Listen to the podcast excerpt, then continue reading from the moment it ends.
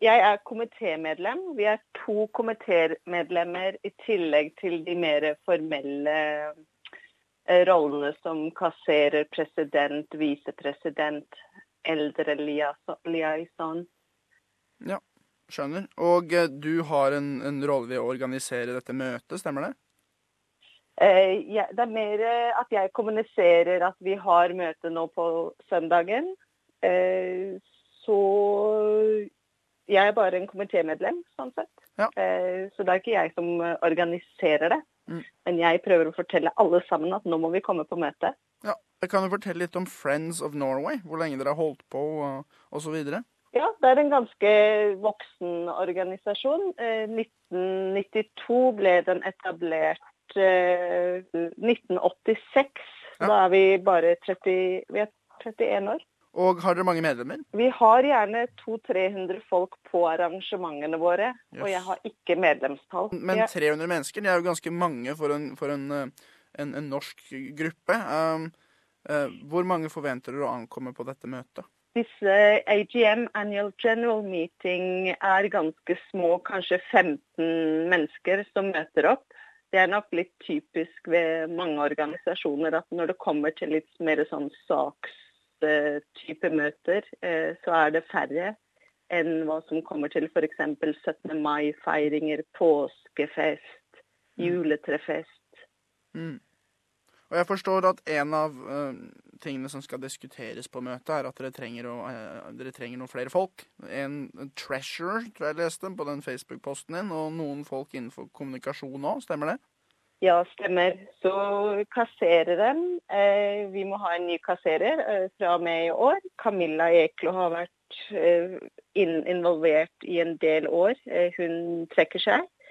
Og på kommunikasjon, det tror jeg gjelder alle typer organisasjoner. Vi trenger stadig folk som er webkyndige, kan skrive, vil fortelle andre om at ting skjer, og hva vi, hva vi gjør. Eh, har du forhåpninger om å få fylt disse stillingene på møtet, eller tror du kommer til å måtte prøve å ikke, kanskje bruke sosiale medier litt, og prøve å finne noen? Vi går alltid ut på alle de kanalene vi har. Så vi annonserer det på nettstedet, på sosiale medier, i medlemsbladet og generelt ut til medlems, medlemsmassen vår, sånn som per e-post. Så får vi bare se hva som skjer. Jeg håper at vi har noen på søndag. Ja, Dere har kanskje noen kandidater allerede, eller? Ikke som jeg kjenner til. Ja. Eh, Så hvis noen hører dette på torsdag og eh, har eh, kunnskap om hvordan å føre bok, så Mm. må de gjerne ta kontakt. Supert. Du kan jo si mens jeg har deg på tråden, hva som er en perfekt kandidat, kanskje? Ja, det kan være greit å være norsk. Eh, mange av samtalene våre går jo på norsk. Mm. Eh, men du må også kunne dette å føre bok, og den føres vel på engelsk. Vi er en australsk organisasjon. Ja. Eh, så du trenger nok ikke egentlig å være norsk, vil jeg tro. Det eneste er dette med at norsk miljø finnes i Melbourne og i Victoria eh, overall. Mm. Og at eh, kanskje det er mange her som ikke er klar over at klubben finnes.